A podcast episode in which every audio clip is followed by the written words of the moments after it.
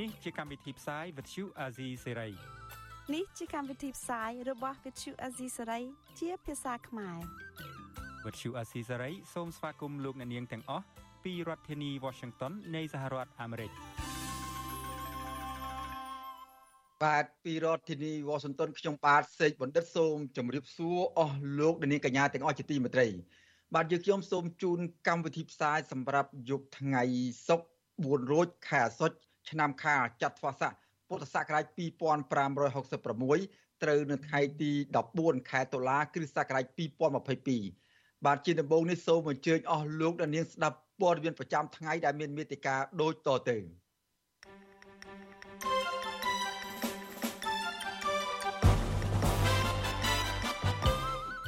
អ្នកវិភាគថាតុលាការខ្មែរគួរយកគំរូតាមតុលាការបារាំងក្នុងការកាត់ក្តីសំណុំរឿងសេរីភាពបញ្ចេញមតិ ថៃចាប់ជនភៀសខ្លួនខ្មែរក្រោមជាង10នាក់បញ្ជូនទៅការិយាល័យអន្តោប្រវេសន៍ទៅសាលា10នាក់ស្លាប់និង1នាក់បន្តបាត់ខ្លួនករណីលិចទូកនៅខេត្តកណ្ដាលក្នុងនីតិវិទ្យាអ្នកស្ដាប់សម្រាប់រាត្រីនេះយើងនឹងជជែកពិភាក្សាអំពីសារៈសំខាន់នៃការចុះឈ្មោះបោះឆ្នោតរួមនឹងព័ត៌មានសំខាន់សំខាន់មួយចំនួនទៀត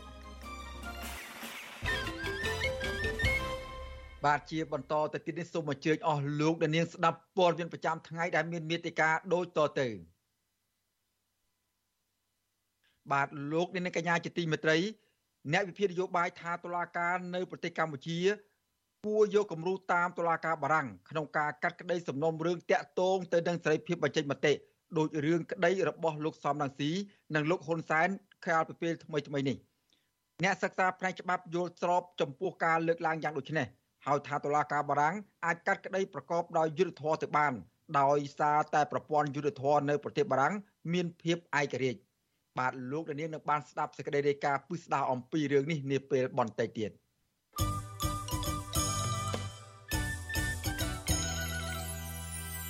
បាទលោកនាងកញ្ញាកំពុងតាមដានស្ដាប់ការផ្សាយរបស់វិទ្យុអសីសេរីពីរដ្ឋធានីវ៉ាស៊ីនតោនសហរដ្ឋអាមេរិកពាក់ព័ន្ធនឹងដំណើរការរៀបចំការបោះឆ្នោតវិញម្ដង បាទប្រជាពលរដ្ឋមួយចំនួនដែលភៀសច្រើនជាពលករចំណាក់ស្រុកនៅមិនទាន់បានចុះឈ្មោះបោះឆ្នោតសម្រាប់អាណត្តិទី6ដែលឡើយនោះទេបាទពួកគាត់លើកឡើងថាការខកខាននេះគឺដោយសារតែអ្នកខ្លះជាពលករខុសច្បាប់ពិបាកចេញចូលច្រកពិបាកចេញចូលច្រកទ្វារព្រំដែននិងខ្លះទៀតត្រូវចំណាយប្រាក់កាសច្រើននៅពេលធ្វើដំណើរទៅចុះឈ្មោះបោះឆ្នោតនៅតាមមូលដ្ឋានរបស់ខ្លួន បាទមន្ត្រីអង្គការសង្គមស៊ីវិលយល់ថាបញ្ហានេះ ត្រូវមានការយល់ចូលរួមពីប្រជាពលរដ្ឋផ្ទាល់ខ្លួន និងជាទទួលនិងជាការទទួលខុសត្រូវរបស់រដ្ឋាភិបាល ជាពិសេសគណៈកម្មាធិការជាតិរៀបចំការបោះឆ្នោត បាទពីរដ្ឋធានី Washington អ្នកស្រីម៉ៅសុធីនីរាយការណ៍ជុំវិញព័ត៌មាននេះ ពលករខ្មែរធ្វើការនៅក្រៅប្រទេសភាគច្រើនអះអាងថាពួកគាត់នៅមិនទាន់បានចុះឈ្មោះបោះឆ្នោតអាណត្តិថ្មីនៅឡើយទេដោយសារតែលិខិតឆ្លងដែនអសុពលភាព និងគ្មានថវិកាសម្រាប់ធ្វើដំណើរ ពលករខ្មែរធ្វើការនៅសំណង់នៅខេត្តឆាក់ឆាងសៃប្រទេសថៃ ដែលមានស្រុកកំណើតនៅខេត្តបាត់ដំបងឈ្មោះពឹមសុភីប្រាប់វិទ្យុស៊ីស្រីនៅថ្ងៃទី14ខែតុលាថាលោកខកខានមិនបានចូលរួមការបោះឆ្នោតអស់ពេល2អាណត្តិហើយលោកថាការខកខាននេះគឺដោយសារតែលិខិតឆ្លងដែនរបស់លោកហួសសុពលភាពมันអាចធ្វើដំណើរចេញមកតាមច្រកព្រំដែនបានហើយខ្វះលទ្ធភាព ដើម្បីចំណាយលើការធ្វើដំណើរតាមផ្លូវកាត់ឬក៏តាមច្រករបៀងដោយខុសច្បាប់ទោះជាយ៉ាងនេះក្តីលោកថាកាលពីអាណត្តិមុនលោកធ្លាប់ធ្វើដំណើរមកចុះឈ្មោះបោះឆ្នោតតាមច្រកផ្លូវកាត់ដោយមានមេខ្យល់ជាអ្នកនាំហើយត្រូវបានចំណាយប្រាក់ដល់ទៅ5500បាត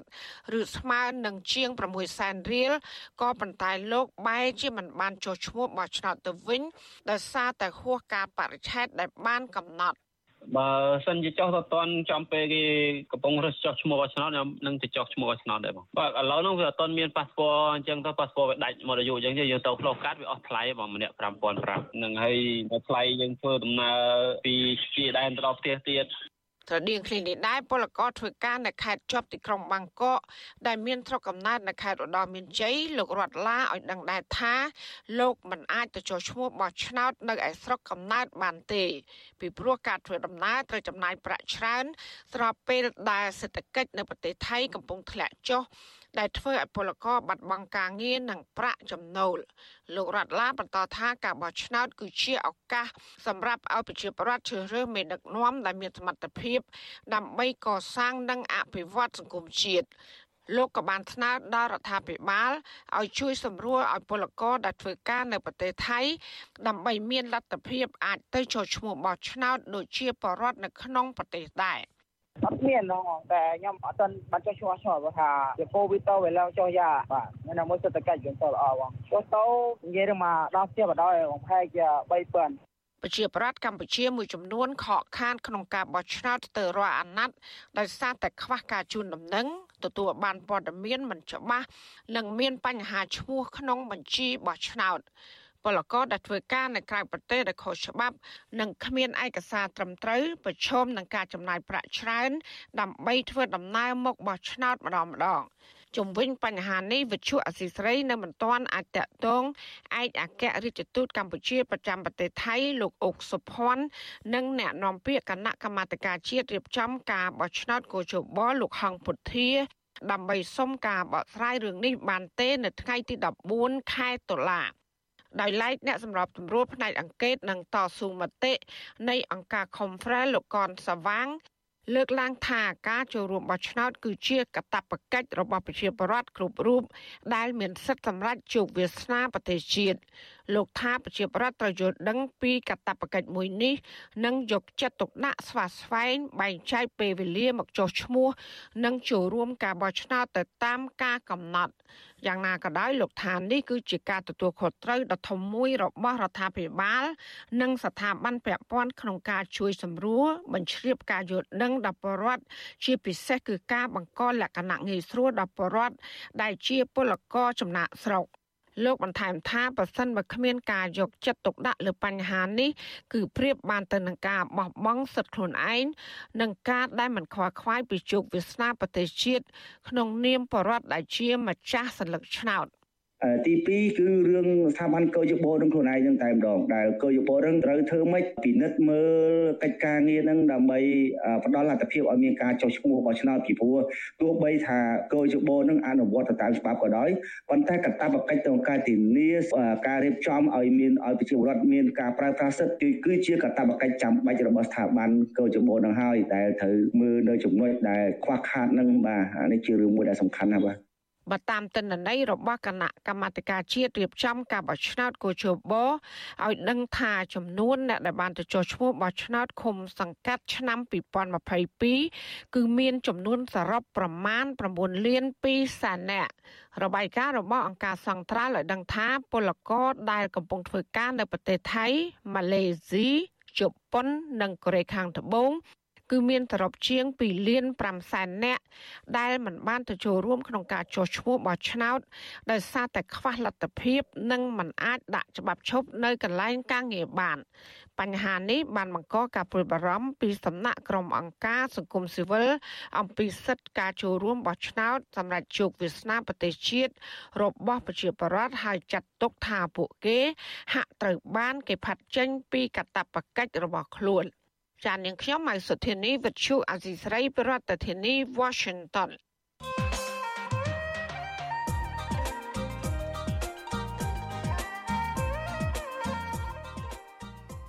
បាទលោកនាងកញ្ញាជាទីមេត្រីពាក់ព័ន្ធនឹងកិច្ចការបោះឆ្នោតនេះដែរ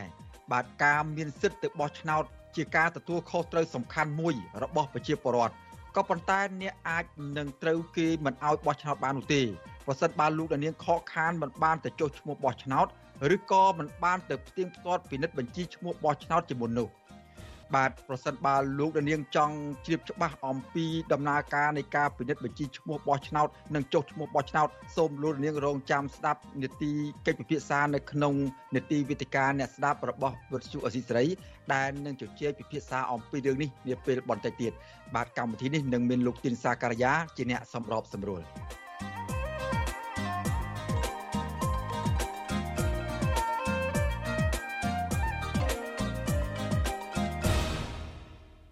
បាទឥឡូវនេះលោកនាងនឹងយើងនឹងមកពិនិត្យមើលអំពីស្ថានភាពរបស់គណៈបកប្រឆាំងនៅឯខេត្តស្ទឹងត្រែងនោះវិញបាទមន្ត្រីគណៈបកភ្លើងទៀននៅខេត្តស្ទឹងត្រែងទាមទារឲ្យតុលាការខេត្តនេះទម្លាក់បទចោទប្រកាន់ទៅលើប្រធានក្រុមការងារគណៈបកភ្លើងទៀនស្រុកសេសាន គឺលោកយុនថយដែលត្រូវសមត្ថកិច្ចចាប់ឃុំខ្លួន បាទការលើកឡើងនេះកើតឡើងក្រោយពេលលោកយុនថយត្រូវសមត្ថកិច្ចខេត្តស្ទឹងត្រែងចាប់ខ្លួននិងបញ្ជូនទៅតុលាការកាលពីដើមខែកក្កដាឆ្នាំ2022ពីបទបើករថយន្តចង្កូតស្ដាំប្រធានប្រធានប្រតិបត្តិគណៈបកភ្លឺទៀនលោកពុយច័ន្ទថាឡាប្រាប់បទសុអសីសេរីនៅថ្ងៃទី14តុលាថាមកទល់នៅពេលនេះសកម្មជនគណៈបកភ្លើងទៀនរូបនេះត្រូវតុលាការឃុំខ្លួននៅក្នុងពន្ធនាគារជាង3ខែមកហើយលោកចាត់ទុកថាសំណុំរឿងនេះ ថាជារឿងនយោបាយដើម្បីគម្រាមកំហែងបំបាក់ស្មារតីសកម្មជនគណៈបកភ្លើងទៀននៅថ្នាក់មូលដ្ឋានខ្ញុំយល់ថាវារឿងយុទ្ធនយោបាយខ្លាំងជាងបើឡើងពីគុតស្ដាំកកគឺ10 20 40គ្រឿងក្នុងខេត្តមិនអីផងអីទៅគាត់អូមហាយុទ្ធធម៌មិនត្រឹមយុទ្ធធម៌ទេមហាយុទ្ធធម៌ខាងមតិកិច្ចនឹងពិនិត្យពិចារណាថាឲ្យមានការលើកលែងការចាត់ប្រកាន់ បាទបទសុអសីសេរីនៅមិនទាន់អាចតាក់ទងសុំការបំភ្លឺអំពីរឿងនេះពីតំណាងអាយកាអមតុលាការខេត្តស្ទឹងត្រែងនិងស្នងការនគរបាលខេត្តស្ទឹងត្រែងលោកអួតស៊ីវថាបាននៅឡើយទេ នៅថ្ងៃទី14តុលាដោយទូរស័ព្ទហៅចូលតែគ្មានអ្នកទទួលបាទជុំវិញរឿងនេះមន្ត្រីសម្របសម្រួលសមាគមអាត6ខេត្តស្ទឹងត្រែងលោកប៊ីវ៉ានីហួសចិត្តចំពោះទង្វើរបស់សមាជិកនិងតុលាការខេត្តស្ទឹងត្រែងខណៈដែលសំណុំរឿងនេះអាចដោះស្រាយបានក្រៅប្រព័ន្ធតុលាការ។ បាទលោកថាសកម្មជនគណៈបកប្រឆាំងរូបនេះបានទិញរថយន្តបន្តពីនគរបាលខេត្តស្ទឹងត្រែងម្នាក់ហេតុអ្វីបានជាមន្ត្រីជំនាញមិនអនុវត្តច្បាប់លើប៉ូលីសដែលប្រើរថយន្តនេះតាំងពីដំបូងឡើយមកនោះបាទលោកបញ្យល់ថាសមត្ថកិច្ចជំនាញមានទួនាទីអប់រំណែនាំអ្នកបើកបរឲ្យកែតម្រូវរថយន្តចង្កូតស្ដាំនិងធ្វើកិច្ចសន្យាបំពេញទម្រង់បែបបត់បង់ពន្ធឲ្យបានត្រឹមត្រូវស្របតាមការណែនាំរបស់រដ្ឋាភិបាល បាទលោកចាត់ទុកការឃុំខ្លួនសកម្មជនគណៈបកភ្លើងទៀនរូបនេះមិនស្របតាមច្បាប់នោះទេ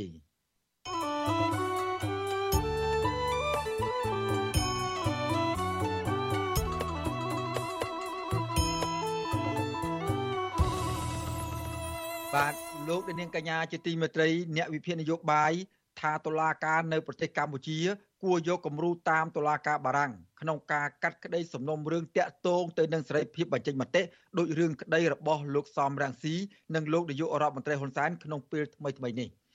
បាទអ្នកអ្នកសិក្សាផ្នែកច្បាប់យល់ស្របចំពោះការលើកឡើងយ៉ាងដូចនេះហើយថាតុលាការបារាំងអាចកាត់ក្តីប្រកបដោយភាពយុត្តិធម៌ទៅបានដោយសារតែប្រព័ន្ធយុត្តិធម៌នៅប្រទេសបារាំងមានភាពឯករាជ្យបាទលោកជាតិចំណាន មានសេចក្តីរាយការណ៍អំពីរឿងនេះពីរដ្ឋធានីវ៉ាស៊ីនតោនអ្នកវិភាគនយោបាយចាស់ភាសាបណ្ឌិតឡៅម៉ុងហៃប្រាប់វិទ្យុអស៊ីសេរីនៅថ្ងៃទី14ខែតុលាថាចៅក្រមតុលាការប្រទេសបារាំងមិនបានផ្ដោតសំខាន់ទៅលើការរកការពិតក្នុងករណីធ្លាក់ឧត្តមភេសជ្ជៈរបស់លោកហុកឡុងឌីនោះទេប៉ុន្តែផ្ដោតតម្លៃខ្ពស់ទៅលើសេរីភាពខាងការនិយាយស្ដីដែលបានចាត់ទុកការលើកឡើងរបស់លោកសំរងស៊ីគ្រាន់តែជាការអនុវត្តសិទ្ធិសេរីភាពក្នុងការបញ្ចេញមតិតែប៉ុណ្ណោះលោកបណ្ឌិតបន្ថែមថាដើម្បីទទួលបានអត្ថប្រយោជន៍ពីរឿងក្តី រវាងលោកសំរងស៊ីនិងលោកហ៊ុនសែនប្រព័ន្ធតុលាការនៅកម្ពុជាគួរយកគំរូកាត់ក្តីតាមតុលាការបារាំងទៅលើសកម្មជនសិទ្ធិមនុស្សសកម្មជនបរិស្ថាននិងជាពិសេសសកម្មជននយោបាយដើម្បីលើកកម្ពស់ស្ថានភាពសេរីភាពបញ្ចេញមតិនិងលំហនយោបាយនៅកម្ពុជា។ រឿងណានាបបកធ្លាក់ឧទ្ធម្ភាគចៈហ្នឹងក៏គេអត់ច្បាស់លាស់ក៏គេដឹងឮតែប៉ុណ្ណឹងគេអត់យល់ទៅការទេព្រោះវាអត់បានច្បាស់លាស់ក៏ប៉ុន្តែគេឲ្យសារៈសំខាន់ទៅលើអសេរីភាពនៃការបញ្ចេញមតិរបស់អង្គស៊ីនឹងចាអញ្ចឹងហើយបាទគេសម្រេចថារឿងចោតប្រកាន់គេវាអត់ជាប់ហើយតែគណៈអត់ជាប់វាចាញ់ហើយលោកហ៊ុនសែននិងកូនប្រសាររបស់លោកគឺលោកឌីវិជាបានរួមគ្នាប្តឹងលោកសំរងស៊ីកាលពីថ្ងៃទី20ខែសីហាឆ្នាំ2019 ទៅតុលាការប្រទេសបារាំងពីបទបរិហាគេចំពោះការដែលលោកសំរងស៊ីចោទលោកហ៊ុនសែនថាជាអ្នករៀបចំផែនការសម្រាប់អតីតមេប៉ូលីសក្រុងភ្នំពេញដែលជាដន្លងរបស់ខ្លួនគឺលោកហុកឡុងឌីបណ្ដឹងនេះកើតមានឡើងបន្ទាប់ពីលោកសំរងស៊ីកាលពីថ្ងៃទី2ខែមិថុនាឆ្នាំ2019បានសរសេរនៅលើទំព័រ Facebook របស់លោកថាលោកហ៊ុនសែនគឺជាអ្នកបញ្ជាឲ្យសម្រាប់លោកហុកឡុងឌីតាមរយៈការបំផ្ទុះឧទ្ធម្ភាគចក្រ ដែលលោកហុកឡុងឌីកំពុងជិះពីភ្នំពេញទៅខេត្តស្វាយរៀងកាលពីថ្ងៃទី9ខែវិច្ឆិកាឆ្នាំ2008ជុំវិញរឿងនេះដែរអ្នកវិភាគច្បាប់លោកវ៉ាន់ចាន់ឡូតយល់ស្របចំពោះការលើកឡើងរបស់បណ្ឌិតឡៅម៉ុងហៃជាមួយគ្នានេះលោកយល់ឃើញថាតឡាការបារាំងអាចកាត់ក្តីប្រកបដោយភាពយុត្តិធម៌ទៅបានដោយសារតែស្ថាប័នតុលាការនៅប្រទេសបារាំងមានឯករាជ្យភាពហើយលោកថាប្រព័ន្ធយុតិធធម៌នៅកម្ពុជាក៏អាចយកគំរូលើដំណើរការចៅក្រមកាត់ក្តីតាមរយៈការផ្ដល់សិទ្ធិស្មើគ្នាចំពោះមុខច្បាប់ ដោយធ្វើការសម្រេចសេចក្តីមិនលំអៀងដោយសារអំណាចឋានៈអ្វីឡើយទោះជាយ៉ាងណាលោកវ៉ាន់ចាន់ឡូតយកឃើញថា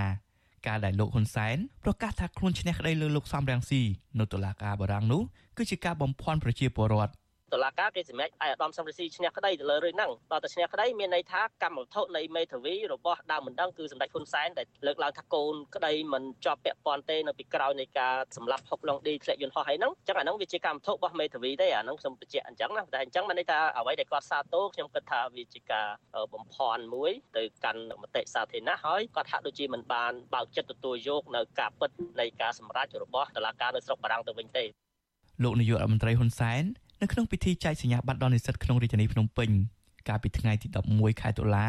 មិនបានប្រកែកចំពោះលទ្ធផលសម្រេចក្តីរបស់តុលាការបារាំងនោះទេប៉ុន្តែលោកសរសើរនឹងអរគុណទៅដល់តុលាការប្រទេសបារាំងដែលផ្ដល់យុត្តិធម៌ដល់លោកទៅវិញដំបូងខ្ញុំសូមអរគុណក្រុមការងាររបស់ខ្ញុំដែលមានមេធាវីនិងមានថ្នាក់ដឹកនាំក្រសួងការបរទេសអគ្គរដ្ឋទូតនៅឯទីក្រុងប៉ារីសព្រមទាំងមេធាវីបារាំងទាំង4រូប ដែលបានការពារក្តីនេះដល់ជោគជ័យខ្ញុំអរគុណចំពោះតឡាការបារាំងដែលបានផ្ដល់យុទ្ធធម៌សម្រាប់ខ្ញុំភាពស្អាតធម៌សម្រាប់ខ្ញុំកន្លងមកក្រុមអ្នកតាមដានស្ថានភាពសង្គមនិងអ្នកច្បាប់តែងតែលើកឡើងថាអាញាធរកម្ពុជាយកប្រព័ន្ធតុលាការធ្វើជាឧបករណ៍បម្រើប្រយោជន៍នយោបាយក្នុងការធ្វើទុកបុកម្នេញលើសកម្មជននយោបាយសកម្មជនសិទ្ធិមនុស្សនិងសកម្មជនបរិស្ថានដែលពួកគេគ្រាន់តែបញ្ចេញមតិរិះគន់រដ្ឋាភិបាលតាមរយៈការប្រើប្រាស់សិទ្ធិសេរីភាពបញ្ចេញមតិតែប៉ុណ្ណោះ។ លោកសំរងស៊ីប្រធានស្ដីទីគណៈបកសង្គ្រោះជាតិមកដល់ពេលនេះជាប់បណ្ដឹងក្នុងតុលាការមានជាង10ករណីហើយបណ្ដឹងទាំងនោះរួមមានបណ្ដឹងបរិហាគេលោកហៅនំហុងថាជាអតីតមេគុកបឹងត្របែកបណ្ដឹងបរិហាគេរបស់លោកហេងសំរិនថាជាអ្នកកាត់ទោសសម្ដេចឪនរោត្តមសីហនុថាក្បត់ជាតិកាលពីលោកហេងសំរិននៅជាប្រធានរដ្ឋបណ្ដឹងបរិហាគេពាក់ព័ន្ធការចោទប្រកាន់ថាលោកហ៊ុនសែនបានទិញចំនួន like Facebook ពីបរទេស និងមិនដឹងបរិហាគេលោកនាយរដ្ឋមន្ត្រីហ៊ុនសែនក្នុងករណីឃាតកម្មបណ្ឌិតកែមលីជាដើមអង្គការគម្រោងយុតិធធម៌ពិភពលោកបានដាក់កម្ពុជានៅក្នុងចំណាត់ថ្នាក់បាតតារាងផ្នែកនីតិរដ្ឋក្នុងរបាយការណ៍របស់ខ្លួនក្នុងឆ្នាំ2021កន្លងទៅគណៈតុលាការនៅតែជាប់ឈ្មោះថាជាស្ថាប័នដែលរួមរឹតដល់អំពើពុករលួយនិងស្ថិតក្រោមការបង្គាប់បញ្ជាផ្នែកនយោបាយពីសំណាក់គណៈបកកណ្ដាលអំណាចនៅរដ្ឋាភិបាលលោកហ៊ុនសែនខ្ញុំបាទជាជំនាញ Visual Assisray ប្រធានាទី Washington បាទលោកនាងកញ្ញាជាទីមេត្រីពាក់ព័ន្ធនឹងស្ថានភាពស្ថានភាពរបស់ប្រជាពលរដ្ឋខ្មែរកម្ពុជាក្រោមដែលកំពុងរស់នៅក្នុងប្រទេសថៃឯនោះវិញ បាទប៉ូលីសថៃបានចាប់ជនបានបានចាប់ជនភៀសខ្លួនខ្មែរក្រោមជាង10នាក់ហើយបញ្ជូនពួកគេទៅស្នងការដ្ឋានអន្តរប្រវេសន៍ខេត្តបាធំបានីនៃប្រទេសថៃប៉ូលីសថៃចាប់ខ្លួនខ្មែរក្រោមដោយសារតែពួកគាត់គ្មានបានអនុញ្ញាតឲ្យធ្វើការងារ ជនភៀសខ្លួនខ្មែរក្រោមបានលួចទៅធ្វើការដើម្បីរកប្រាក់មកចិញ្ចឹមក្រពះព្រោះការឧបត្ថម្ភរបស់អង្គការសហប្រជាជាតិមិនអាចគ្រប់គ្រាន់ឲ្យពួកគាត់រស់នៅក្នុងប្រទេសថៃនោះបានទេ បាទពីរដ្ឋធានីវ៉ាស៊ីនតោនលោកយ៉ងច័ន្ទរារាយការណ៍អំពីរឿងនេះប៉ូលីសថៃបានចាប់ខ្លួនជនភៀសខ្លួនខ្មែរក្រោមចំនួន12នាក់ក្នុងនោះមានប្រុសចំនួន7នាក់ស្រី5នាក់ ពេលដែលពួកគាត់កំពុងទៅធ្វើការនៅផ្សារលក់បន្លែមួយកន្លែង នៅក្នុងខេត្តបឋមធានីជាប់ទីក្រុងបាងកកអាជ្ញាធរថៃបានបញ្ជូនពួកគាត់ទៅឃុំខ្លួននៅមន្ទីរឃុំឃាំងនៃការិយាល័យប៉ូលីសអន្តោប្រវេសន៍ខេត្តបឋមធានីហើយនៅព្រឹកថ្ងៃទី14ខែតុលាពលរដ្ឋខ្មែរក្រោមដែលភៀសខ្លួននៅប្រទេសថៃដោយសារតែការធ្វើទុកបុកម្នេញពីអាញាធរវៀតណាមលោកស្រីច័ន្ទធីប្រាប់វិទ្យុអាស៊ីសេរីថា លោកស្រីក៏ជាអ្នកធ្វើការរៀបបន្លែជាមួយខ្មែរក្រោមភៀសខ្លួនទាំងអស់នោះដែរក៏ប៉ុន្តែពេលនោះដោយសារតែលោកស្រីទៅធ្វើការយឺតបន្តិចទើបមិនត្រូវបានប៉ូលីសថៃចាប់ខ្លួនលោកស្រីបញ្ជាក់ថាលោកស្រីបានឃើញប៉ូលីសថៃដែលស្លៀកពាក់ឯកសណ្ឋានស៊ីវិលចំនួន4នាក់បានមកចាប់ជនភៀសខ្លួនខ្មែរក្រោម12នាក់ដាក់ឡានហើយក៏បើកឡានចេញពីផ្សារនោះទៅលោកស្រីស្នើដល់រដ្ឋាភិបាលថៃនិងអង្គការពាក់ព័ន្ធនឹងជនភៀសខ្លួនជួយអន្តរាគមន៍ទៅអាជ្ញាធរថៃ ឲ្យដោះលែងខ្មែរក្រោមទាំងអស់នោះជាពិសេសគឺកូនប្រសាររបស់លោកស្រី ដែលមានកូនអាយុ5ខែនៅក្នុងបន្ទុកកំពុងត្រូវការឪពុករកស៊ីចិញ្ចឹមខ្ញុំក៏ខបានយឺតពេលទៅតែ5នាទីហ្នឹងគេមកចាប់ពុបពុបទៅកុំអីដោយទាំងខ្ញុំហ្នឹងញ៉ាញ៉ាខ្ញុំក្រក្រទៅនោះពេលគេចាប់នៅគៀននោះដែរខ្ញុំធ្វើខាងនោះដែរណាតែគេចាប់តែមកដល់គេចាប់តែមកដុំឡាននិយាយមកនោះគ្នាប៉ុណ្ណឹងហើយបើគុំអ្នកកៅមកនិយាយចេះចោលលេងហ្នឹងខ្ញុំឡើងទៅអើមើគេគៀងដល់ស្រដៀងគ្នានេះដែរ ពលរដ្ឋខ្មែរក្រមម្នាក់ទៀតដែលភៀសខ្លួននៅប្រទេសថៃរយៈពេល5ឆ្នាំលោកស្រីស៊ីវេតឲ្យដឹងថាប៉ូលីសបានមកចាប់ឪពុកនិងម្ដាយរបស់លោកស្រីនិងជនភៀសខ្លួនដទៃទៀតសរុប12នាក់ពេលដែលពួកគាត់កំពុងតែធ្វើការហើយប៉ូលីសបានបញ្ជូនពួកគាត់ទៅការិយាល័យអន្តោប្រវេសន៍ខេត្តបឋមធានីលោកស្រីឲ្យដឹងថាឪពុកម្ដាយលោកស្រីមានវ័យកាន់តែចាស់ប៉ុន្តែលួចទៅស៊ីឈ្នួលគេបែបនេះគឺដើម្បីយកប្រាក់មកចិញ្ចឹមជីវិត ពីព្រោះជីវិតជាជនភៀសខ្លួននៅប្រទេសថៃមានការលំបាកនៅក្នុងការរកការងារស្របច្បាប់មានទៅឃើញដែរមិនបានទៅឃើញទេឬទៅតាមអាដាគេទេយម៉ាត់ទេទៅតាមទូរស័ព្ទហ្នឹងណាយម៉ាត់ថាគេចាប់ទៅអស់ហើយទៅរត់ចាប់យាយយាយទៅអស់ហើយយាយមានតែយឡែនដែរណាយឡែនធ្វើនោះដែរប្រជាពលរដ្ឋខ្មែរក្រោមដែលភៀសខ្លួននៅប្រទេសថៃពួកគាត់បានរត់គេចខ្លួនពីការធ្វើទុកបុកម្នេញពីសំណាក់អាជ្ញាធរវៀតណាមពួកគាត់ឲ្យដឹងថា រដ្ឋាភិបាលវៀតណាម បានរឹបអូសដីធ្លីរបស់ពួកគាត់ហើយបានរដ្ឋបិទការគោរពជំនឿសាសនា ទំនៀមទម្លាប់ប្រពៃណីនិងវប្បធម៌ព្រមទាំងហាមមិនឲ្យបង្រៀនអក្សរខ្មែរដល់កូនចៅខ្មែរទៀតផងពាក់ព័ន្ធទៅនឹងរឿងនេះប៉ូលីសថៃបានប្រាប់វិទ្យុអាស៊ីសេរីផ្នែកភាសាឡាវដោយសុំមិនបញ្ចេញឈ្មោះនិងសម្លេងថាក្រុមប៉ូលីសថៃបានចាប់ជនភៀសខ្លួនខ្មែរតែ10នាក់ទេនៅព្រឹកថ្ងៃទី14ខែតុលា នៅក្នុងផ្សារលក់បន្លែជាប់ទីក្រុងបាងកកលោកបញ្ជាក់ថា ការចាប់ខ្លួននេះគឺដោយសារតែពួកគេចូលមកធ្វើការងារក្នុងប្រទេសថៃដោយខុសច្បាប់ប៉ូលីសរូបនេះបញ្ជាក់ទៀតថាជនភៀសខ្លួនទាំងអស់នេះមានលិខិតសម្គាល់ខ្លួនផ្សេងផ្សេងគ្នា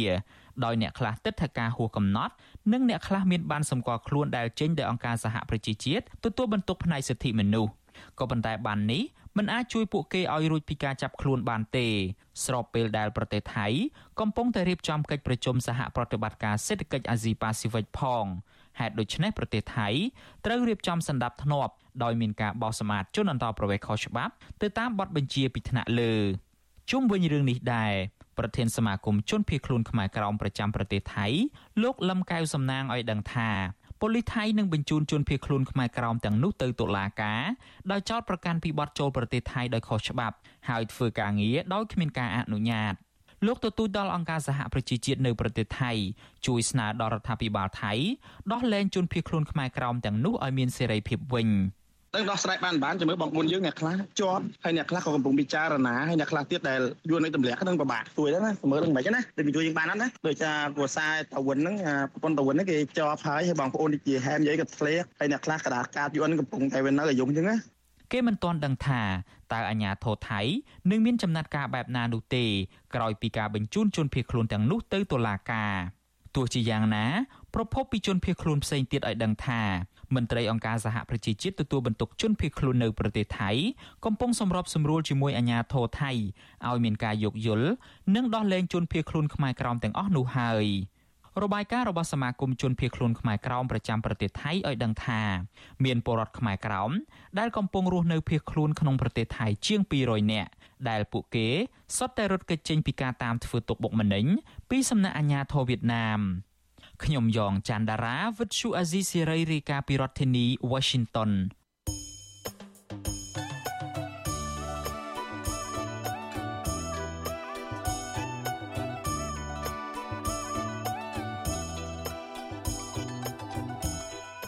បាទលោកនាងកញ្ញាជាទីមេត្រីលោកនាងកំពុងតាមដានស្ដាប់ការផ្សាយរបស់វិទ្យុអសីសេរីពីរដ្ឋធានីវ៉ាស៊ីនតោនសហរដ្ឋអាមេរិកបាទក្រៅពីលោកនាងតាមដានស្ដាប់ការផ្សាយរបស់យើងខ្ញុំតាមរយៈបណ្ដាញសង្គមមាន Facebook និង YouTube នោះលោកនាងក៏អាចតាមដានស្ដាប់ការផ្សាយរបស់យើងខ្ញុំតាមរយៈរលកធាតុអាកាសវិទ្យុរលកធាតុអាកាសខ្លី Shortwave តាមកម្រិតនិងកម្ពស់ទៅទៅនេះបាទពេល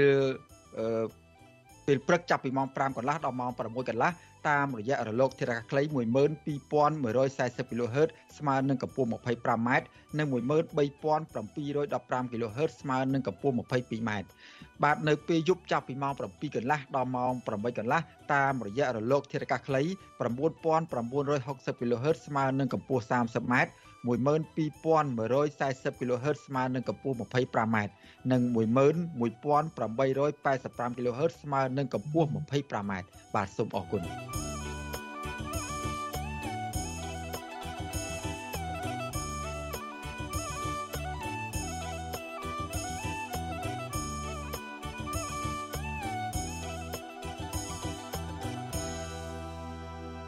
បាទលោកនាងកញ្ញាជាទីមេត្រីមន្ត្រីសង្គមស៊ីវិលជំរុញដល់រដ្ឋាភិបាលឲ្យបង្ហាញឆន្ទៈអនុវត្តនិងចាត់វិធានការដោះស្រាយបញ្ហាមកពីគ្រោះមហន្តរាយឲ្យមានប្រសិទ្ធភាពដើម្បីជួយស្ដារមុខមាត់និងជីវភាពរបស់ប្រជាពលរដ្ឋរងគ្រោះនៅក្នុងស្ថានភាពជួបគ្រោះនឹងគ្រោះធម្មជាតិបាទពួកគេស្នើដល់រដ្ឋាភិបាល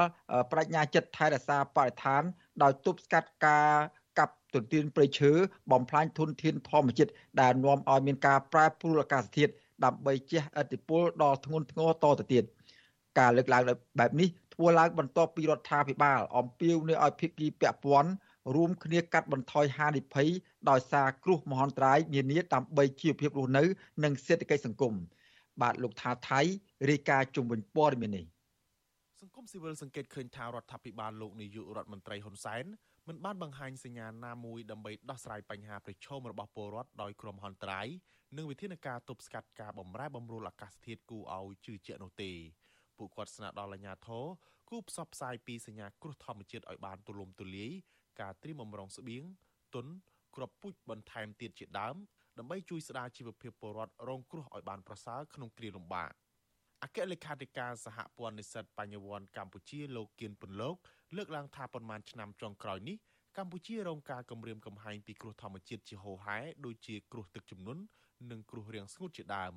លោកបន្តថាបញ្ហាទាំងនេះបានបំផ្លាញផលដំណាំផ្ទះសម្បែងទ្រព្យសម្បត្តិជាពិសេសបាត់បង់អាយុជីវិតមនុស្សរាប់សិបនាក់គួរឲ្យព្រួយបារម្ភលោកគៀនពន្លកមើលឃើញថាកន្លងមករដ្ឋាភិបាល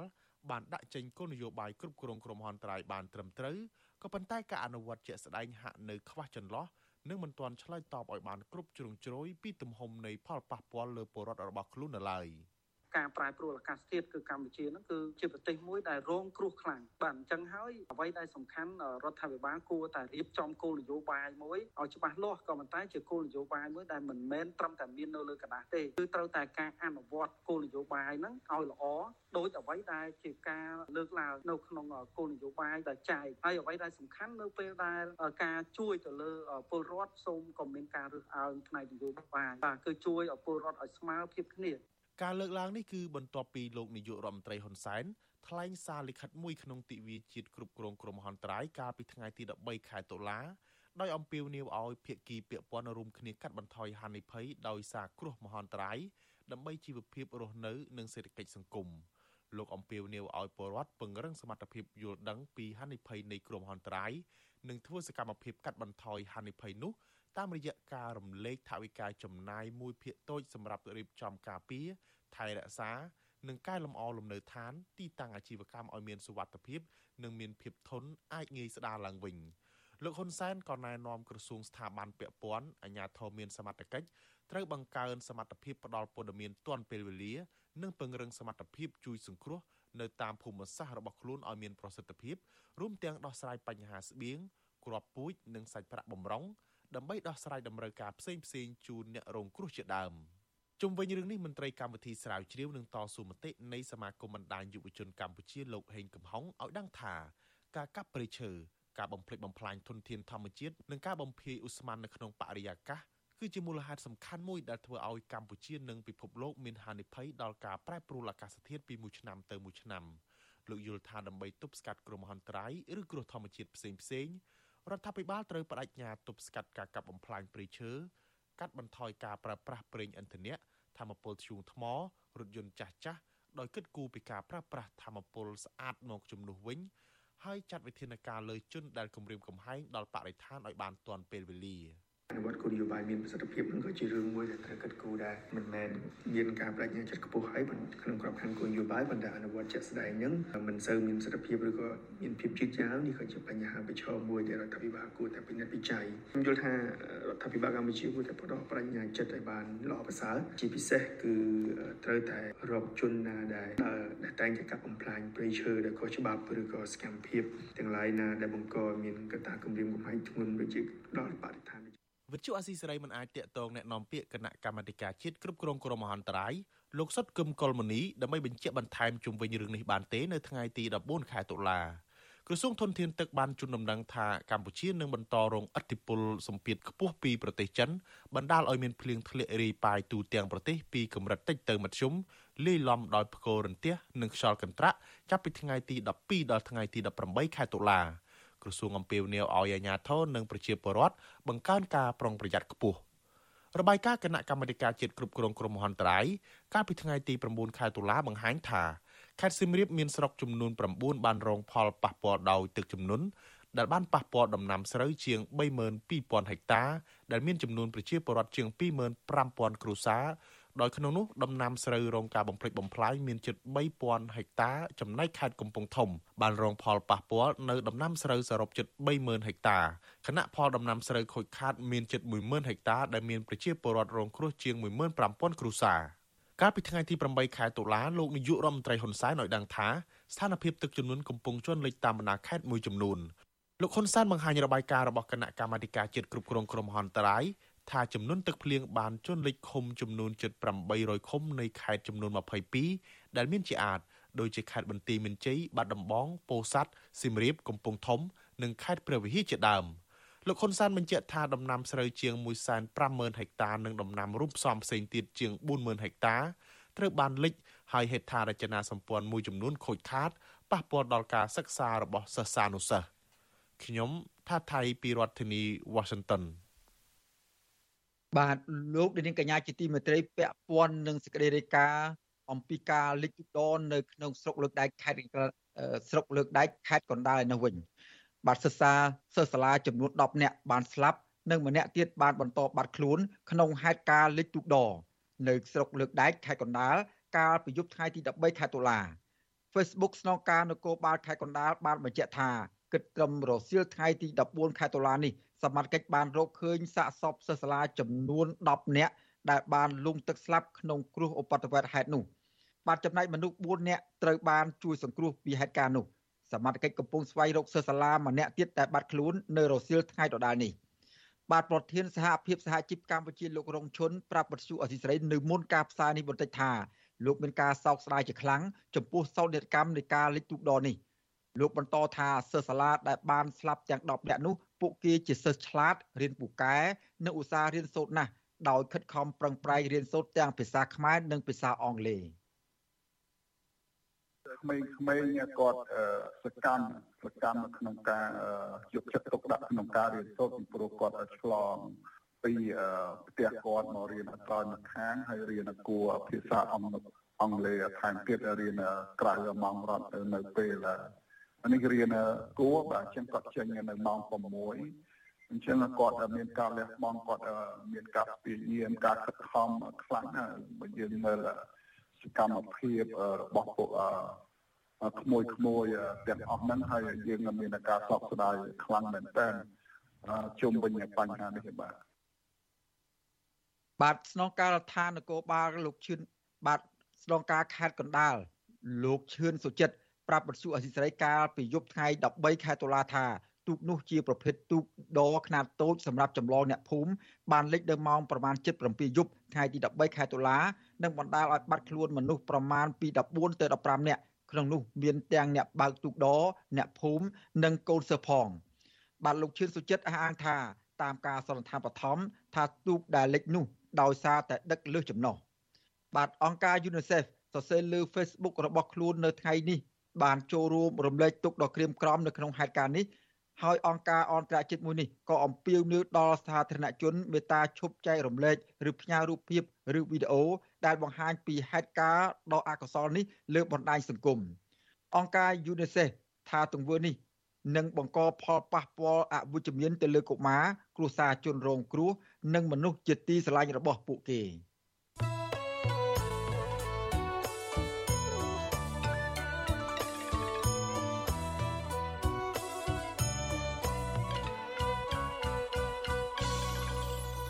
បាទលោកនាងកញ្ញាជាទីមេត្រីពាក់ព័ន្ធនឹងការកាប់បំផ្លាញព្រៃឈើវិញម្ដងបាទឈើមូលធំធំបន្សល់ទុកចុងក្រោយស្ថិតនៅក្នុងឃុំចំនួន3នៃស្រុកសេសានខេត្តស្ទឹងត្រែងជាប់ព្រំដែននៃខេត្តរតនគិរីនៅតែប្រឈមនឹងការកាប់ផ្ដួលរំលំធ្វើអាជីវកម្មពីសំណាក់ក្រុមហ៊ុនចិន ប្រជាសហគមន៍ការពីប្រឈើបន្តចោទប្រកាន់ក្រុមហ៊ុនចិនមួយនេះថាបំពានកិច្ចសន្យាវិនិយោគដោយបន្លំដឹកឈើពីខាងក្រៅចូលទៅក្នុងការដ្ឋានរបស់ខ្លួនជាច្រើនខែកន្លងមកហើយ បាទលោកដានីនឹងបានស្ដាប់សេចក្តីរាយការណ៍ពឹស្ដារអំពីរឿងនេះនៅព្រឹកស្អែកបាទលោកនាងកញ្ញាជាទីមេត្រីតកតងនឹងស្ថានភាពរបស់កម្មករអូរទេសនៅតំបន់ព្រំដែននៅវិញ បាទកម្មករអូរទេសដឹកទំនិញនៅច្រកព្រំដែនប៉ោយប៉ែតបារម្ភបាត់មុខរបរក្រោយអាជ្ញាធរខេត្តបន្ទាយមានជ័យប្រាប់ពួកគេថាភៀកគីថៃស្នើឲ្យបញ្ឈប់កុំឲ្យមានអ្នកអូរទេសនៅតាមច្រកទ្វារព្រំដែននៅខេត្តនៅប៉ោយប៉ែតនោះបន្តទៀត សង្គមស៊ីវិលយល់ឃើញថារដ្ឋាភិបាលគួរផ្ដល់ឱកាសនិងអនុគ្រោះដល់ពលរដ្ឋក្រីក្រនៅតាមច្រកទ្វារព្រំដែនដោយអនុញ្ញាតឲ្យពួកគេបន្តអូសរទេសរកប្រាក់ចំណូលដើម្បីដោះស្រាយបញ្ហាជីវភាពប្រចាំថ្ងៃបាទលោកនាងក៏នឹងបានស្ដាប់សេចក្តីរាយការណ៍អំពីរឿងនេះនៅព្រឹកស្អែកដែរបាទលោកនាងកញ្ញាជាទីមេត្រីព័ត៌មានប្រចាំថ្ងៃដែលជម្រាបជូនដោយខ្ញុំបាទសេកបណ្ឌិតនៅពេលនេះបាទ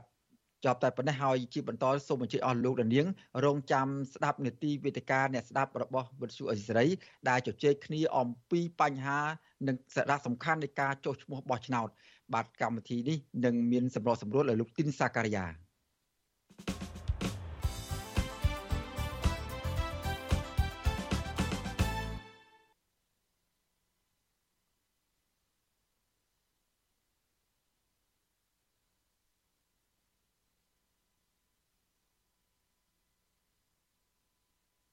បាទសំទោសមិញអត់បើកម៉ៃខ្ញុំបាទធីនសាក្រាសូមជម្រាបសួរលោកអ្នកកញ្ញាទាំងអស់ជាទីមេត្រីបាទជាវគ្គបន្តនេះដោយដែលលោកសេវណ្ណបានជម្រាបជូនអំបញ្ញមិញនេះអញ្ចឹងគឺជានីតិវេទិកាអ្នកស្ដាប់វិទ្យុអាស៊ីសេរី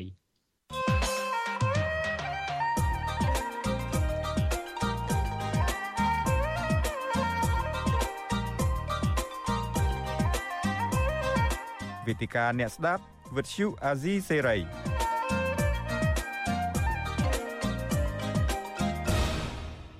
បាទខ្ញុំបាទទីនសាក្រាសូមជម្រាបសួរលោកនាងចិត្តថ្មីម្ដងទៀតនេតិវេទិកាអ្នកស្ដាប់វិទ្យុអសិរ័យនៅពេលនេះយើងនឹងជជែកអំពីសារៈសំខាន់នៃការចុះឈ្មោះបោះឆ្នោតហើយវាគ្មានតែចូលរួមនៅក្នុងការពិភាក្សារបស់យើងនៅពេលនេះយើងមានអ្នកខ្លោមើលផ្នែកអភិវឌ្ឍសង្គមគឺលោកបណ្ឌិតសេងសេរីហើយនឹងវាគ្មិនយើងមួយរូបទៀតគឺអ្នកខ្លោមើលការបោះឆ្នោតដែលជាមន្ត្រីជាន់ខ្ពស់នៃអង្គការ Confrel គឺលោកកនសវាងបាទខ្ញុំបាទសូមជម្រាបសួរលោកវាគ្មិនទាំងពីរបាទ បាទសូមជម្រាបសួរបាទបាទជម្រាបសួរបាទបាទអរគុណដែលលោកដិតសេនស៊ូរីហើយនិងលោកកនសវាងបានចូលរួមនៅក្នុងការពិភាក្សារបស់យើងនៅពេលនេះបាទលោកនាងជាទីមេត្រីលោកលោកនាងប្រហែលជាបានដឹងហើយកោចបបានចាប់ផ្ដើមធ្វើយុទ្ធនាការបិទបញ្ជីឈ្មោះហើយនឹងការបើកឲ្យការចុះឈ្មោះថ្មីសម្រាប់អ្នកដែលមិនទាន់មានឈ្មោះនៅក្នុងបញ្ជីចុះឈ្មោះបោះឆ្នោតហ្នឹងគឺចាប់ពីថ្ងៃទី10 ដុល្លាររហូតទៅដល់ថ្ងៃទី8ធ្នូបើយើងមើលអំពីរយៈពេលនៃការចុះឈ្មោះហ្នឹងមានប្រមាណជា60ថ្ងៃទេហើយបើលោកនាងមិនទាន់មានឈ្មោះទេសូមរស់រាន់ទៅប្រតិទមើលបញ្ជីឈ្មោះឬក៏ទៅចុះឈ្មោះនៅតាមការិយាល័យនៅតាមភូមិឃុំរបស់ខ្លួនបើយើងមើលអំពីទិន្នន័យរបស់កោជបហ្នឹងគឺការបោះឆ្នោតឃុំសង្កាត់កាលពីឆ្នាំ2000កាលពីប្រហែលខែមុននេះនៅក្នុងឆ្នាំ2022នេះ គឺមានជាង9លាននាក់ហើយការចុះឈ្មោះបោះឆ្នោតថ្មីសម្រាប់បោះឆ្នោតឃុំសង្កាត់សំទោសសម្រាប់ការបោះឆ្នោតជាតិអាណត្តិឆ្នាំ2023ហ្នឹងគឺស្ថិតិកោជបប៉ាន់ស្មានហ្នឹងគឺថាអាចចុះឈ្មោះបានតែប្រហែលជាង40ម៉ឺននាក់ទេប៉ុន្តែបើយើងមើលអំពីអ្នកដែលមិនទាន់មានឈ្មោះបោះឆ្នោតនៅតាមរបាយការណ៍របស់អង្គការសង្គ្រោះវិញគឺដូចជាពលករដែលធ្វើការនៅក្រៅប្រទេសមាននៅថៃម៉ាឡេស៊ីជប៉ុននិងកូរ៉េខាងត្បូងនឹង គឺមិនទាន់មានឈ្មោះបោះឆ្នោតនឹងមានប្រមាណជាង2លាន5សែននាក់ហើយមូលហេតុជាបទពិសោធន៍កន្លងមកនៅដែលមិនទាន់មានមិនបានមកចុះឈ្មោះបោះឆ្នោតនឹងដោយសារតែពួកគាត់ខ្វះលទ្ធភាពអឺបញ្ហាមួយទៀតហ្នឹងគឺមួយចំនួនទៀតគឺมันអាចសុំច្បាប់ពីការងារដើម្បីមកធ្វើដំណើរទៅស្រុកកំណើតចុះឈ្មោះវិញបានបាទជាការចាប់អារម្មណ៍ដោយសារតែលោកកនសវាងដែលជាអង្គការ Confrel ដែលជាអង្គការដែលខ្លំមើលការបោះឆ្នោតយូរយារណាស់មកហើយហ្នឹង អឺតើយុទ្ធនាការនៃការបើកការចុះឈ្មោះបោះឆ្នោតរបស់កោជបហើយនឹងការទៅពិនិត្យឈ្មោះបោះឆ្នោតនៅពេលនេះលោកមើលឃើញបែបណាដែរបាទចាប់អារម្មណ៍បែបណាដែរបាទសូមចេញបាទសូមអរគុណបាទហើយជាដំបូងសូមគោរពបាទលោកបណ្ឌិតផងដែរបាទ thì ក៏សូមអរគុណដល់លោកអ្នកសម្របសម្រួលបាទលោកសកាយាហើយនិងលោកស្រីដែលតាមដានស្ដាប់ឬទស្សនានៅវិទ្យុបាទ អឺមែនតើទៅបើយើងនិយាយអំពីអឺដំណើរការនៃការចុះឈ្មោះបោះឆ្នោតនេះបាទយើងបានតាមដាននិងឃ្លាំមើលនៅក្នុងដំណើរការនេះតាំងជាប់លាប់តាំងពីឆ្នាំ2016មកបីដែលខ្ញុំសូមធ្វើការអញនៅពេលនេះគឺចង់ជម្រាបថាបញ្ជីឈ្មោះបោះឆ្នោតយើងនៅតែមើលឃើញថាជាបញ្ជី ដែលនៅតែមានគុណភាពនៅឡើយបាទក៏ប៉ុន្តែអ្វីដែលយើងមានការចាប់អារម្មណ៍និងការពិនិត្យឃើញថាតកតងជាមួយបញ្ហារឿងសិទ្ធិប្រជាពលរដ្ឋដែលសិទ្ធិប្រជាពលរដ្ឋនេះគឺដែលសំខាន់ចាប់តាំងពីឆ្នាំ2016មកដែលមានការកែតម្រង់គេហៅវិជីឈ្មោះបោះឆ្នោតណាក៏ស្ថាប័នគណៈកម្មការជាវិកម្មការបោះឆ្នោតហ្នឹងបាទ ថានៅនៅនៅចំណុចដែលតកតងការនៃការចុះឈ្មោះជួយបាត់ពាក់ព័ន្ធរឿងសិទ្ធិនេះគឺជារឿងមួយដែលសំខាន់បំផុតដែលដែលឃើញថាមកដល់ពេលនេះអឺមិនទាន់មានការពង្រឹងឬការកែសម្រួលណាមួយដើម្បីឲ្យវាមានភាពតើដូចបណ្ដាប្រទេសមួយចំនួនទេខ្ញុំសូមជម្រាបតាក់ទងទៅនឹងប្រទេសមួយចំនួន ដូចជានៅប្រទេសអឺស្រីលង្កាបាទប្រទេសនៅខាងប្រទេសអឺបង់ក្លាដេសអីជាដើមបាទអឺអ្វីដែលខ្ញុំម៉ាឡេបាទសំទុះប្រទេសម៉ាឡេខ្ញុំបានសិក្សាជាមួយក្រុមអ្នកជំនាញថាជាបរដ្ឋផកគេគឺมันបាច់មានការពិបាកដូចទេបាទកាលណាដល់អាយុគ្រប់អាយុ18ឆ្នាំគឺថាពួកគាត់ មានឈ្មោះក្នុងបញ្ជីឈ្មោះបោះឆ្នោតដោយស្វ័យប្រវត្តិបាច់លំបាកនេះទេបាទអឺជានេះទៅទៀតយើងមើលឃើញថានៅក្នុងប្រព័ន្ធរបស់យើងអឺការឆ្នាំ2021ហើយយើងឃើញថាដំណើរការនៃការចុះឈ្មោះហ្នឹងអឺការរៀបចំហ្នឹងនៅតែមានបញ្ហាបញ្ហាបាទគឺបញ្ហាត្រង់ណាគឺថាទី1តកតងលើរឿងការផ្ដល់នៅ ព័ត៌មានជូនដល់ប្រជាពលរដ្ឋហ្នឹងទោះបីយើងឃើញថាប្រឹងប្រែងការប្រកាសការផ្សព្វផ្សាយឲ្យមានការចែកការលិខិតអញ្ជើញឬមួយក៏បានព័ត៌មានឬមួយក៏ការផ្សព្វផ្សាយពីការចុះឈ្មោះក៏ដោយក៏តែនៅតែតាមការសិក្សារបស់យើងឃើញថានៅតែមិនទាន់បានដល់ដៃប្រជាពលរដ្ឋនឹងដែលជាអ្នកទទួលចុងក្រោយនៅឡើយបាទ ចំណុចមួយទៀតយើងមើលឃើញទៅជឿទៅគឺថាយើងដាក់ការចុះឈ្មោះបោះឆ្នោតនឹងភាគច្រើនចំខែភាសាបាទតកតងខែភាសាដែលជារដូវដែលប្រជាពលរដ្ឋនឹងលោកធ្វើស្រែលោកធ្វើចម្ការបាទហើយខុសពីថ្ងៃបុណ្យទៀតជាពិសេសដូចឆ្នាំ2021ហ្នឹងគឺថាផុតបុណ្យប្រហែលជា3ថ្ងៃទេបាទផុតបុណ្យអរែងគេហៅបុណ្យភ្ជុំបិណ្ឌបាទហើយឥឡូវនេះគឺថា វាក្នុងកំឡុងពេលអមទុកប៉ុន្តែដល់ពេលយើងអត់អមទុកថែមទៀតអញ្ចឹងទៅវាជាចំណុចឱកាសមួយដែលធ្វើឲ្យប្រជាពលរដ្ឋហ្នឹងលោកជាជាជាកត្តាមួយដែលធ្វើឲ្យប្រជាពលរដ្ឋហ្នឹងលោកទៅមានបញ្ហាចំហើយក៏មានការលើកឡើងជាច្រើនទៀតតកតងនឹងដំណើរការនៃការចុះឈ្មោះបោះឆ្នោតនេះបាទហើយខ្ញុំមិនទាន់លំអិតទេបាទសូមត្រឹមប៉ុណ្្នឹងសិនចុះបាទបាទ បាទអរគុណលោកកនសវាងបាទលោកនាយកទីមិត្តរីយើងមានការសោកស្ដាយដែរតាមពិតទៅខ្ញុំបានអញ្ជើញអ្នកនាំពាក្យកោជបគឺលោកមនិតហុងពធាដើម្បីមកចូលរួមនៅក្នុងការពិភាក្សារបស់យើងនៅពេលនេះដែរប៉ុន្តែលោកជាប់រវល់ក៏ខកខានមិនបានចូលរួមនៅក្នុងកិច្ចពិភាក្សារបស់យើងប៉ុន្តែយើងសង្ឃឹមថាខាងតំណាងកោជបនឹងអាចចូលរួមជាមួយកម្មវិធីយើងនៅលើក្រោយទៀតយើងនឹងព្យាយាមចេញបន្តទៀតបាទខ្ញុំចាប់ងាកមកលោកដិតសេនស៊ូរីវិញយើងមើលឃើញថា រយៈពេលការចុះឈ្មោះបើកបើកឲ្យប្រតិឈ្មោះនៅទូទាំងកាយយាល័យបោះឆ្នោតទូទាំងប្រទេសហ្នឹងយើងឃើញថានៅក្នុងចំណោមឃុំសង្កាត់1952ហើយរយៈពេលបើកឲ្យយុទ្ធនាការចុះឈ្មោះបោះឆ្នោតហ្នឹងគឺរយៈពេលប្រហែលជា2ខែដែរតើលោកមនិតមើលឃើញបែបណាដែរការបើកឲ្យចុះឈ្មោះហើយ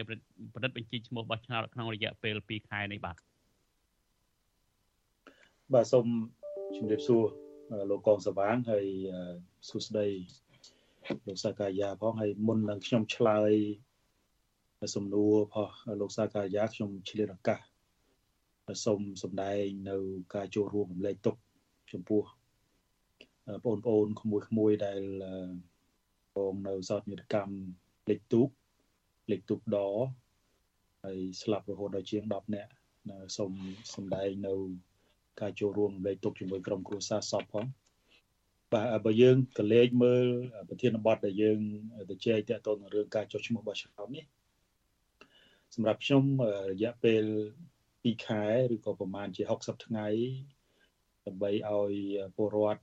ដែលមិនទាន់គ្រប់អាយុចុះឈ្មោះបោះឆ្នោតទៅពិនិត្យបញ្ជីចុះឈ្មោះបោះឆ្នោតទៅចុះឈ្មោះបោះឆ្នោតនេះខ្ញុំគិតថាជាពេលវេលាមួយដែលអឺជាពេលវេលាមួយដែលសមរម្យ ក៏ប៉ុន្តែជាពិសេសសមរម្យសម្រាប់អ្នកដែលនៅក្នុងប្រទេសប៉ុន្តែអ្វីដែលពិបាកហ្នឹងគឺពិបាកសម្រាប់ពលករដែលធ្វើការនៅក្រៅប្រទេស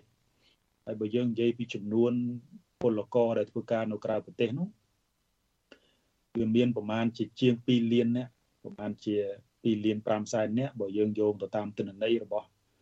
អឺ UNDP ឬក៏អង្គការមួយទៀតគេហៅ IOM អញ្ចឹងនៅក្នុងប្រទេសថៃនឹងប្រហែលជា2លាននៅកូរ៉េខាងជើងកូរ៉េខាងត្បូងនឹងប្រហែលជា60ម៉ឺនអញ្ចឹងហើយយើងយើងយើងឃើញថាយើងរាប់ប្រទេសធំធំមានជប៉ុនកូរ៉េខាងត្បូងថៃហើយនិងម៉ាឡេហ្នឹងយើងឃើញថាជាង2លានដែលនឹងមិនអាចមានលទ្ធភាពមកចូលរួមមើលបញ្ជីបោះឆ្នោតមកចុះឈ្មោះបោះឆ្នោតហើយរួមទាំងមិនអាចនឹងមកបោះឆ្នោតផងបើបើសិនជាខ្ញុំពិនិត្យមើលនៅអឺ ប្រធានស័កមួយចំនួន យើងឃើញថាឆ្នាំនេះគឺជាពេលវេលាមួយដែលលំបាកសម្រាប់ពលករជាពិសេសពលករនៅប្រទេសថៃដែលខ្ញុំធ្វើការសិក្សាស្រាវជ្រាវកំឡុងពេលដែលខ្ញុំធ្វើការសិក្សាស្រាវជ្រាវឲ្យសាកលវិទ្យាល័យจุฬាលង្កននៅប្រទេសថៃនឹងយើងរកឃើញថាពលករប្រមាណជា80%រងផលប៉ះពាល់ដោយ COVID-19 ហើយគាត់ជាប់បំណុលពលករភាគច្រើនជាប់បំណុលហើយគាត់ស្ទុះស្ទានៅក្នុងការសងបំណុលហើយតាមការស្ទង់មតិហ្នឹងយើងឃើញថាពលរដ្ឋពលរដ្ឋពលករភាគច្រើននៅក្នុងប្រទេសថៃហ្នឹងនឹងមិនទៅ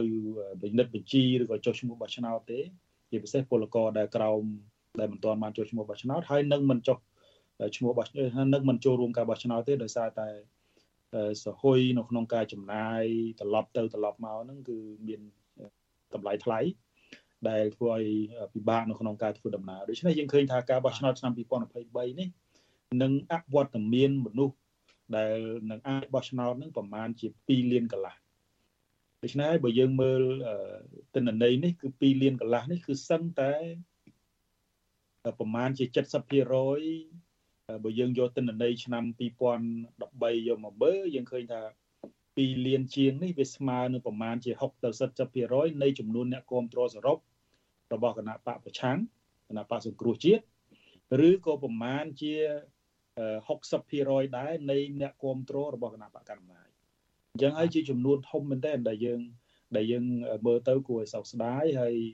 ហើយបើសិនជាក្នុងករណីដែលពួកគាត់អានេះយើងសង្ឃឹមទេបើសិនជាក្នុងករណីពួកគាត់នឹងត្រឡប់មក ចូលរួមការបោះឆ្នោតឆ្នាំ2023នេះខ្ញុំគិតថាស្ថានភាពនៃការបោះឆ្នោតនៅកម្ពុជាឬក៏ស្ថានភាពនយោបាយនៅកម្ពុជានឹងមានការប្រែប្រួលគួរឲ្យចាប់អារម្មណ៍បាទខ្ញុំសូមធ្វើការសង្កេតប៉ុណ្ណឹងសិនបាទបាទបាទអរគុណលោកដិតសេនស៊ូរីបាទលោកនាយទីមេត្រីបើសិនជាលោកនាងចង់សួរមកកាន់វាគ្មិនរបស់យើងទាំងពីររូបឬក៏ចង់បញ្ចេញមតិយោបល់ទាក់ទងនឹងសារៈសំខាន់នៃការចុះឈ្មោះបោះឆ្នោតជាតិឆ្នាំ2023ខាងមុខនេះសូមលោកនាងដាក់លេខទូរស័ព្ទនៅក្នុងខ្ទង់ comment Facebook និង YouTube ដែលយើងកំពុងតែផ្សាយផ្ទាល់នេះយើងខ្ញុំនឹងតាក់ទងទៅនឹងហៅទៅលោកនាងវិញដើម្បីផ្ដល់ឱកាសឲ្យបញ្ចេញជាមតិយោបល់ឬក៏ដាក់ជាសំណួរបាទលោកលោកសេនស៊ូរីបានលើកពីឧបសគ្គមួយចំនួនពិសេសគឺតាក់ទងនឹងពលករនៅក្រៅប្រទេសដែលមានជាង2លាននាក់បើមើលអំពីរបាយការណ៍អង្គការសង្គ្រោះមានជាង2មាន2លាន5សែននាក់ប៉ុន្តែ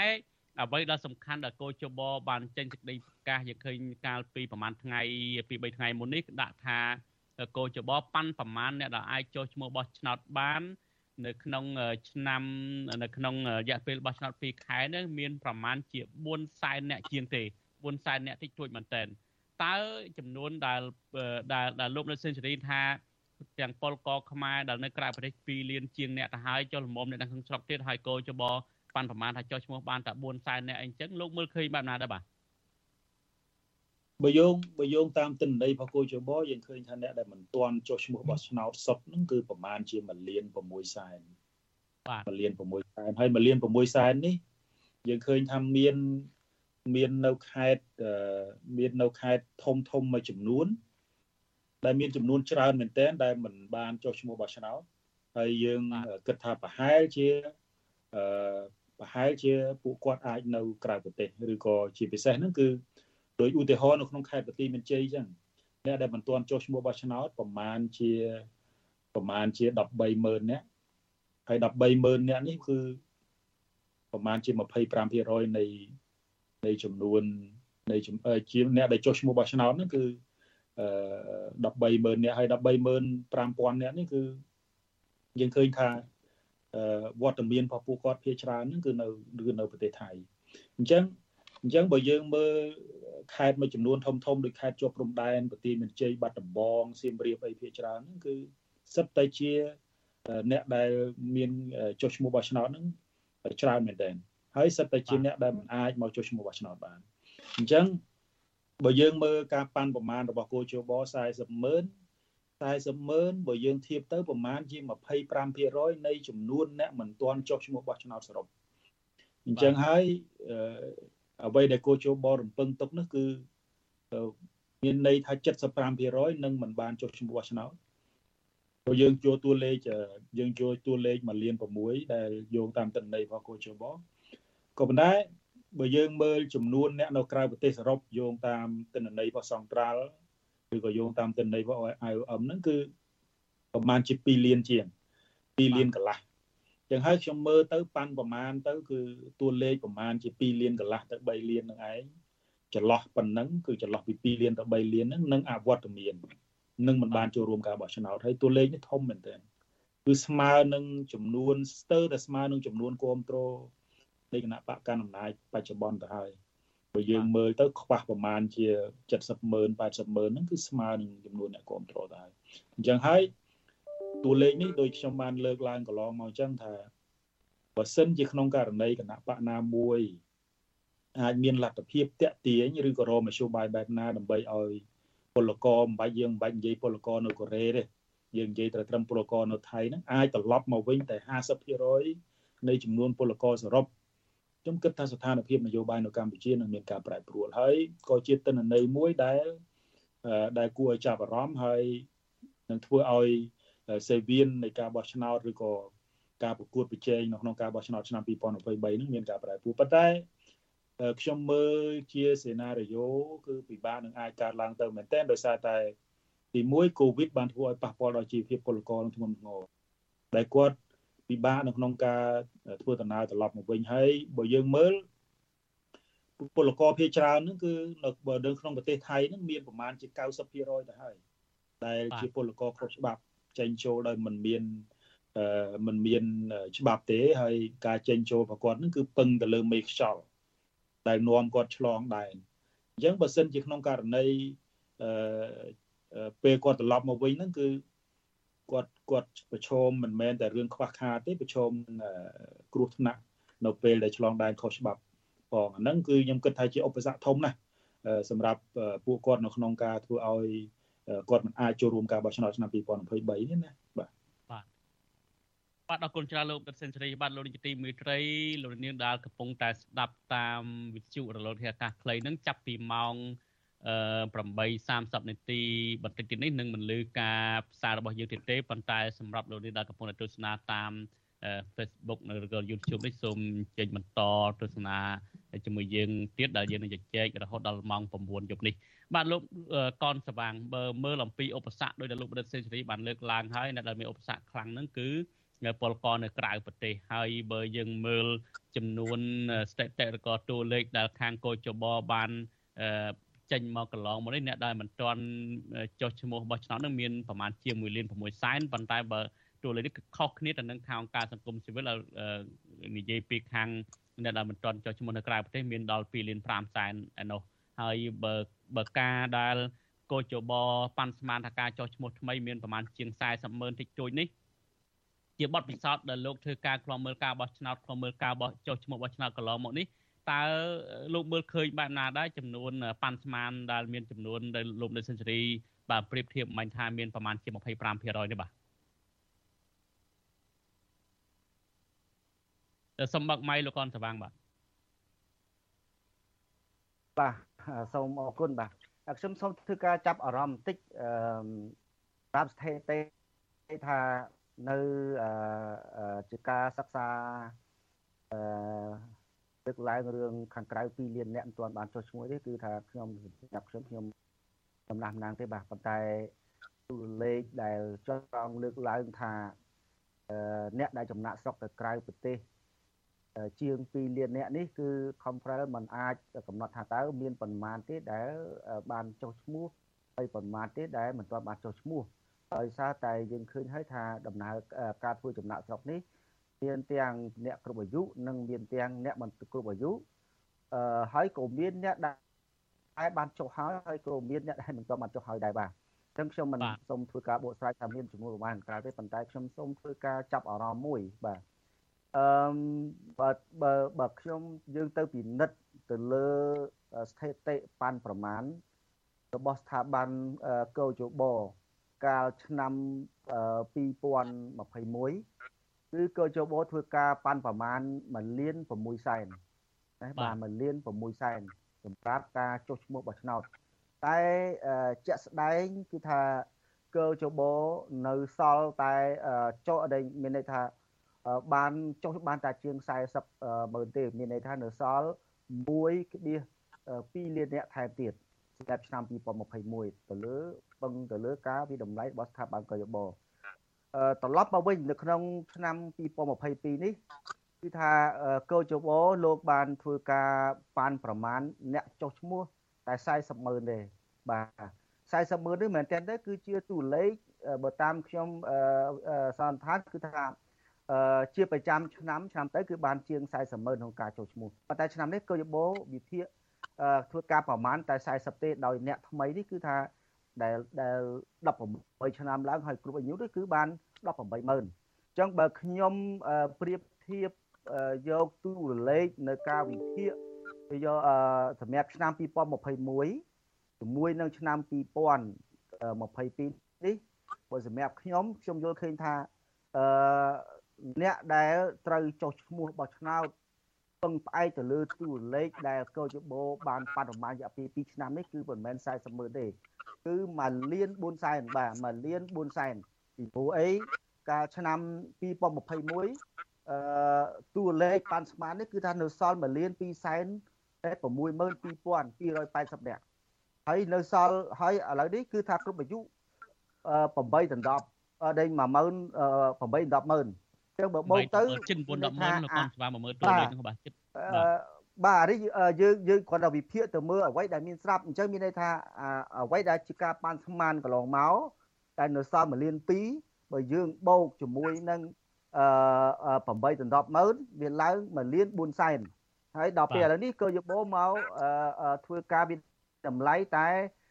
40ម៉ឺនទេបាទអញ្ចឹង40ម៉ឺននេះបូករួមអ្នកតាគោអាយុទៀតផងបាទ